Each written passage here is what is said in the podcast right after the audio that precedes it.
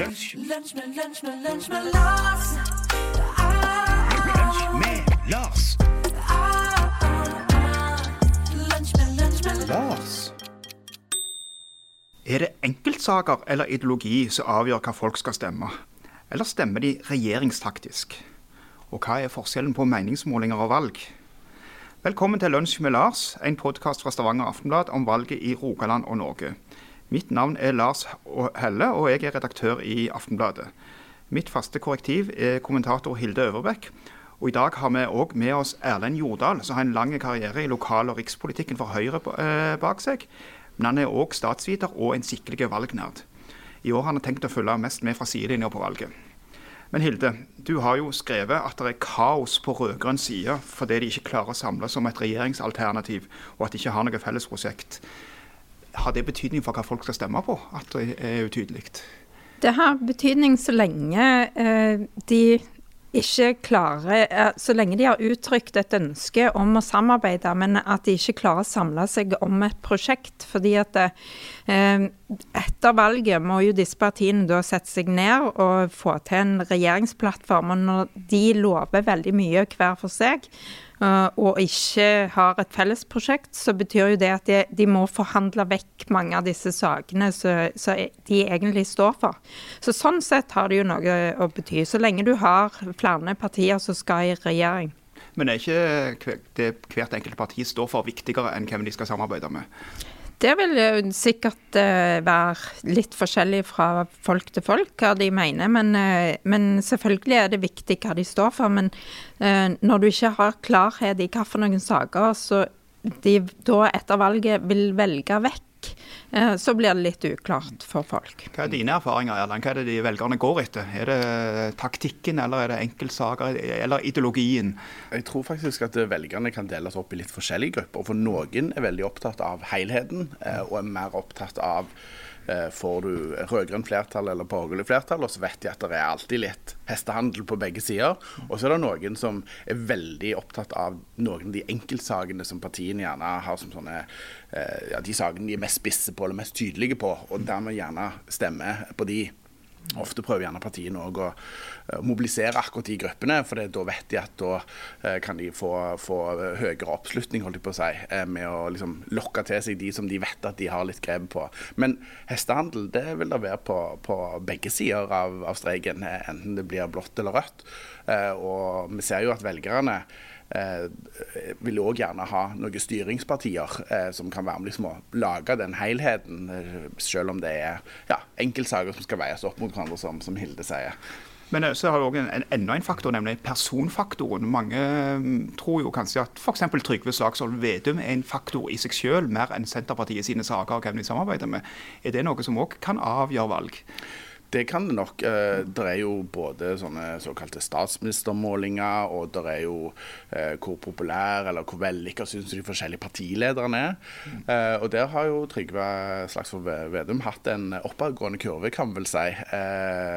For det er ikke så lenge siden, altså gjerne før valget i 2017, så var han jo f.eks. ikke spesielt populær og, og vel ansett. Men det har jo endra seg voldsomt i denne siste fireårsperioden. Hvorfor tror du at det er sånn med han?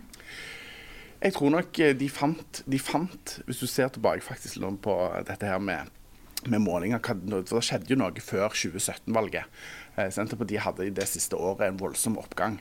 Jeg tror de fant en nøkkel da, til hvordan de skulle snakke, hvordan de skulle kommunisere, hvordan de skulle bruke han på best mulig måte. altså Hvordan han skulle få lov til å være seg sjøl og vinne velgere der ute. Eh, Og den nøkkelen som de fant eh, den sommeren og, og, og våren eh, 2017, den har de holdt på hele veien fra da. Og det tror jeg har gjort at han eh, rett og slett har, har lykkes med prosjektet sitt. Så Senterpartiet har rett og slett gjort en god jobb. De har det, absolutt. Det er ingen tvil om. De har, de, de, har vært det aller klareste opposisjonspartiet over tid. Men dette med personer kan jo svinge. altså Erna Solberg hadde det ikke lett de første årene som eh, Høyre-leder, hun heller. og Mange ville jo sparke henne lenge før hun ble statsminister. Eh, Så dette svinger jo. Ja, det er helt klart. Og det, for å si det sånn, de, det er jo i motgang du skal på en måte vise karakter. Så, så, sånn som jeg nevnte med Trygve, som har hatt en periode hvor han gjerne ikke lyktes så godt. Akkurat som Erna hadde en periode hvor det ikke lyktes så godt, og nå uh, lykkes hun bedre. Så, så det er helt rett uh, med det. Men dette med personer og saker kontra ideologi Ta, ta Rødt som et eksempel, som gjør det ganske bra på meningsmålingene for tida. Der eh, De har profilerte folk som Bjørnar Moxnes, og her lokalt har de mye mer Kristiansson. Og de har etter en del sjau bestemt seg for at de fortsatt er et kommunistparti. Men er det, er det så mange kommunist, altså av de 5-6 prosentene som akkurat nå sier de skal stemme på Rødt, er, det, er alle de kommunister? Nei, det, det er absolutt ikke. Og ikke innad i partiet heller, for det var jo ikke enighet i partiet om at de var kommunister. Det var jo et, et knapt flertall som stemte for. Og det var jo mot eh, eh, f.eks. Moxnes sin vilje. Men, men eh, eh, der tror jeg òg at det er en litt sånn personavhengig eh, greie. For det at eh, Bjørnar Moxnes er veldig flink å snakke for seg. Han, er, han treffer nok det publikummet som han skal treffe, med det som han sier. Og så, så selv om han liksom forenkler løsningene veldig mye, så får han satt det på spissen. Og så tror jeg at, eh, at en del som stemmer på Rødt pga. han. Altså, det som er kjempeinteressant med Rødt, er at de hadde et veldig tydelig sånn trendskifte i målingene sine tilbake i mars 2018. Eh, før det så lå de på sånn 1-2% på gjennomsnittet av målingene. Plutselig etter det så var de på mellom 3,9 og 5.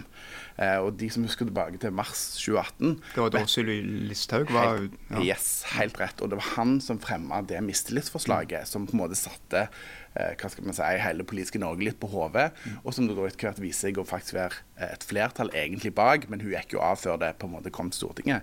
Men, men akkurat der ser vi helt tydelig på målingene at fra han på en måte lufta partiet opp da på den nasjonale på en måte bevisstheten, eh, så, så har det vært et helt klart trendskifte eh, fra det tidspunktet. Det er vel kanskje den saken som har- eh, vært viktigst at de Rødt har fremma i Stortinget i denne perioden.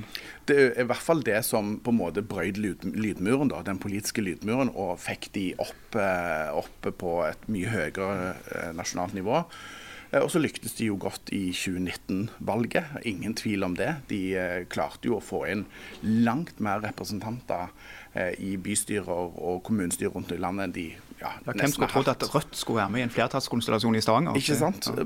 Godt eksempel. Eh, Så, så, så, så dermed kunne de bygge videre på det momentumet som de fikk da. Eh, Og nå er spørsmålet da, klarer de eh, å passere sperregrensen nå i, eh, i eh, Det, det, ligger jo faktisk an til det. Og, Yes. eh, og hvis de da, sånn som i siste meningsmålingen viser, at de kan få eh, mellom ni og ti representanter inn på Stortinget, hva gjør det med, med den rød-grønne sida? Mm, nei, da får eh, altså, hvis, hvis vi liksom ser målingene, så er det jo et rød-grønt flertall. Eh, det er det ingen tvil om. Um, og så er spørsmålet vil de tre hva skal man si, de mer moderate rød-grønne, da, altså eh, Ap, eh, Senterpartiet og SV, vil de ha eget flertall? Eller vil det være sånn at de må av og til nikke til Rødt, sånn som de må gjøre i Oslo eh, f.eks. Eh, så det blir interessant. Men uansett, hvis Rødt kommer inn med en sånn gruppe, og det blir et rød-grønt flertall, så vil altså en sånn type regjering få opposisjon fra Venstre, og det har de aldri hatt eh, før. Så det vil være veldig interessant å følge. Men apropos at altså stemmer Rødt, for dette er jo meningsmålinger. Og politikere, så, særlig når de som gjør det dårlig på meningsmålinger, sier at meningsmålinger er ikke valg. Uh, og og, og eh, er, hvor mye skal vi legge vekt på sånne enkeltmålinger? Ja, Enkeltmålinger de eh, mener jeg eh, vi skal alltid ta med ei klype salt, for det er jo såkalte feilmarginer ikke sant? Eh, på et par prosent opp og ned. Så det som jeg og en del andre sånne valgnerder, de som følger med veldig på dette, er opptatt av, det er jo eh, gjennomsnittsmålingene. Det som på engelsk heter poll of polls, eller måling av målingene. Det er vel et nettsted i Norge som mange viser til Yes. også, heter Det er helt rett. pollofpolls.no. Eh, og de eh, presenterer det på en veldig god måte og forklarer veldig hva det er. Eh, og det som er interessant for oss som full, det, det er liksom å se eh, når, altså, når skjer på en måte nasjonale trendskifter? Altså tid kan du se liksom at det er på en måte en slags eh, terskel når ting endrer seg. Eh, og du kan finne tilbake eh, i, eh, i historien eh, mange sånne for de forskjellige partiene. Eh, Men derfor så er jeg liksom Jeg syns f.eks. det var eh, Aftenbladet sin siste måling med SV som på en måte var litt i støtet. Da var jeg liksom sånn Hm, er det andre målinger i Norge som viser det samme? Er det nasjonale målinger som viser det samme? Eh, jeg fant ikke det da. Um, men, men da tenkte jeg ok, er det noe som har skjedd i Rogaland? Er det et eller annet spesielt som har skjedd. Da vil jeg normalt sett resonnere rundt enkeltmålinger på den måten, for å se er det eh, er det reelt, eller vil vi nå se en korreksjon på neste måling f.eks. Så, så sånn type refleksjoner eh, syns jeg det er interessant å gjøre når du ser enkeltmålingene. Og så ser, ser du jo, det er jo tydelig eksempel eh, på at det er ikke alltid meningsmålinger stemmer fra forrige stortingsvalg, eh, når MDG på denne tida lå an til å få ni representanter over sperregrensa på alle målingene. Men når valgdagen kom, så var det nok eh, ganske mange som ombestemte seg den dagen og stemte på noe helt annet. Arbeiderpartiet lå vel òg ganske godt an fram til en måned før valget. Yes, de hadde jo altså de, I juli så hadde de altså et gjennomsnitt Altså juli eh, 2017 så hadde de altså et gjennomsnitt på 32 Eh, og så falt de da eh, til valget til 26 eh, i, eh, i um, september. Og falt jo videre eh, fram til desember. Så der var det jo et vanvittig trendskifte. Hva, hva var det som utløste det, husker du det? Nei, altså det var, det var et eller annet som skjedde i midten av august. Og her er en av de tingene Her er det ikke en sånn enkeltfaktor gjerne som er å, å peke på. Eh, men jeg husker- glemmer aldri jeg var i Arendalsuka eh, da. Og eh, da var det altså em, en mål, den første målingen eh, fra NRK i Arendalsuka, som jo er der ja, den politiske superleir da, for alle som Det var da vel Hilde og meg òg, så Ja. jeg husker. Ja. Ja. og da kom den, og da falt Arbeiderpartiet med nesten 7 eh, Og jeg husker det var sånn sjokkbølge den mandagen gjennom hele eh, Arendalsuka at dette var Og Samtidig fikk eh, Jonas Gahr Støre femmer og seksere på terningen for innsatsen i partilederdebatten. Så, Yes. så der var det en ganske splittelse mellom det folket sa på meningsmålinger og det kommentatorene mente. Ja, det, er- det er av til det òg, vet du. Men, men du sier meningsmåling og meningsmåling og sånne ting. Men er det noe altså det er noe sånn en høytid og en forventning blant alle politikere rundt dette her? Jeg får jo nå i disse tider eh, henvendelser nesten hver dag fra folk i alle partier. Når kommer neste Aftenblad-måling? Når kommer neste Aftenblad-måling? Så det er jo noe folk eh, legger vekt på. Oh, ja, ja, ja. Folk følger enormt mye med. Det, men det er jo fordi um, fylkesmålinger og sånt for enkeltfylker som Rogaland, det er ikke så mange av de. Det skjer ikke så ofte. Eh, Så dermed er folk veldig sånn på når de skal komme. Eh, Og så har jo partiene, i hvert fall de store partiene, har jo sine egne interne målinger. Ofte så store at du kan til og med bryte de ned på fylkene. Eh, Sånn at da bruker man de til å sammenligne og, og se ok, hvordan, ligger, hvordan treffer den målingen i forhold til det vi har sett.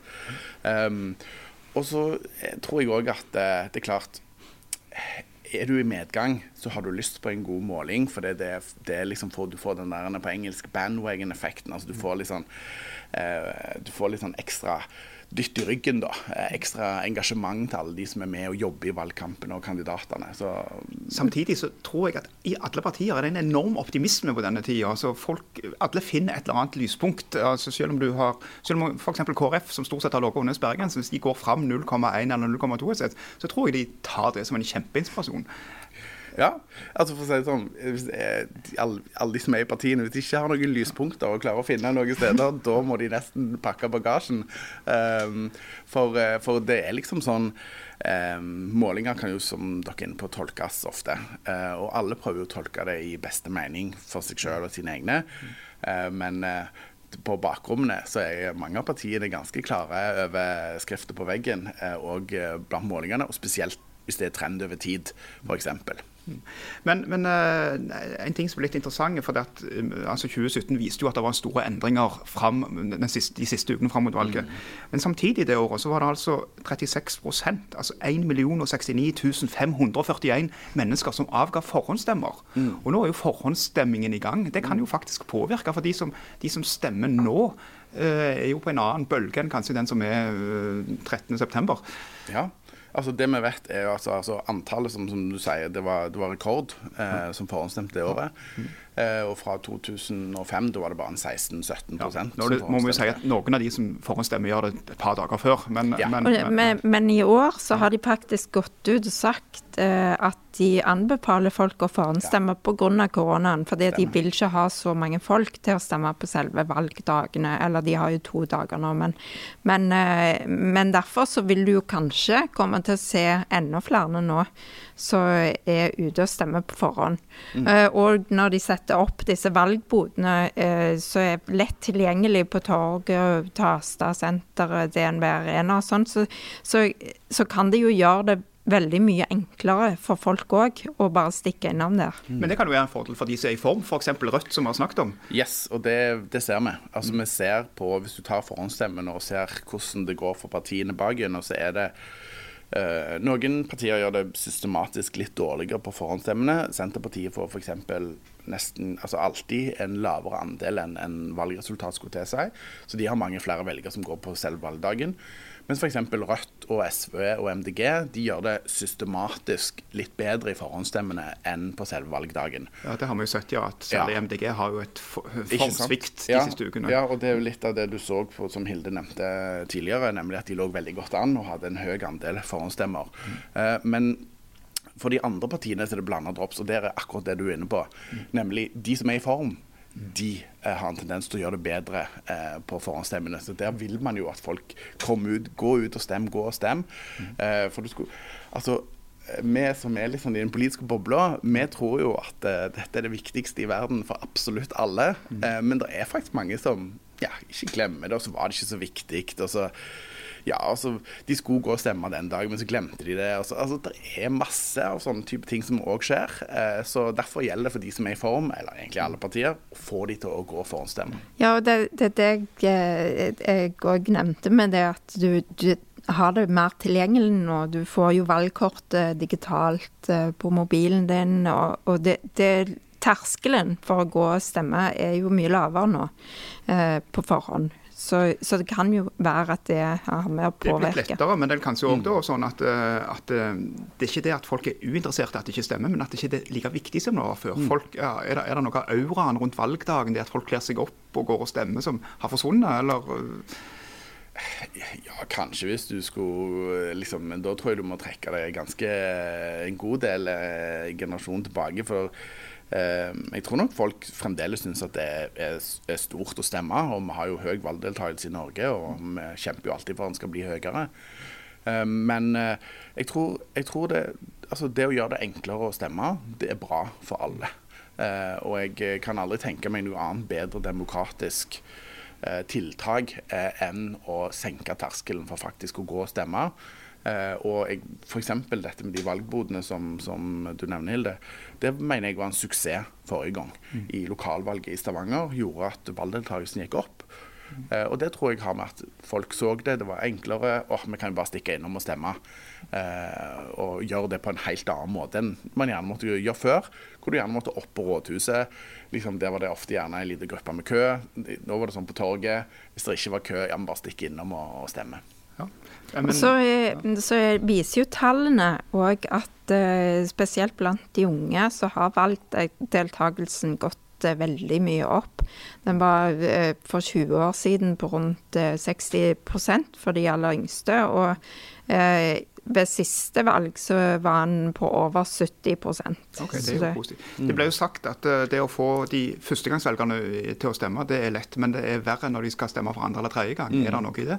Det er det nok, og det har nok noe med at da er mange mer på farten. Eh, mange eh, er midt i studiegreier, eh, flytter rundt omkring i landet, noen finner seg nye jobber andre steder. Eh, så, så ofte i den perioden, i de to, to altså nummer to og tre-valg, gjerne når de kan, så er gjerne folk mye mer mobile og på farten enn gjerne de førstegangsvelgerne, som gjerne er på videregående skole eller akkurat er ferdig med videregående skole, og som dermed ja, føler altså, de, de ser valgkamp på den normale måten som de liksom gjør i, i lokalsamfunnene sine. Så jeg tror nok det har litt eh, med det å gjøre. Eh, samtidig vet vi jo at når du først har stemt på et parti én gang, så øker sjansen for at du stemmer på det partiet eh, igjen etterpå. Eh, og dette er jo noe partiene jobber mye med i sine strategier. Lykkes med å få de der unge voksne og førstegangsvelgerne til å stemme på de. Da begynner du å bygge litt sånn, hva skal vi kalle det, litt sånn bånd til, til partiene eh, over tid. Mm. Hva er det som virker best i innspurten av valgkampen når du skal påvirke en velger? Er det å stå på stand, er det hvordan partilederne opptrer på fjernsyn, eller er det andre ting? Eh, Det som eh, Altså Hvis du tenker på enkeltindividene, så er det jo å egentlig snakke med dem. Det er masse folk som har spørsmål om stort og smått. Eh, De kommer på stands, de kommer på dørbank når det er mulig å gjøre. Det er jo ikke så lett å gjøre nå når det er pandemi. Eh, Men det er i hvert fall det som vi ser eh, er der som vi treffer velgerne mest. Men det er klart, de følger jo med på debatter, de følger med på avisutspill og andre typer ting som er med og hva skal du si, gir de litt forskjellige innspill på hvordan de skal lande ned til slutt. Da takker jeg for mange gode innspill, for nå er denne lunsjpausen over. Takk for at du hørte på Lunsj med Lars mens du spiste. Takk til Erlend Jordal, takk til Hilde Ørbekk. Mitt navn er Lars Helle, og podkastansvarlig i Stavanger Aftenblad er Andreas Askelsen. Lunsj med Lars kommer hver tirsdag fram til stortingsvalget 13.9. Du finner oss i Aftenblad-appen eller der du vanligvis hører på podkast. Takk for nå. Lunsj med, lunsj med, lunsj med Lars. Ah. Lunsj med Lars.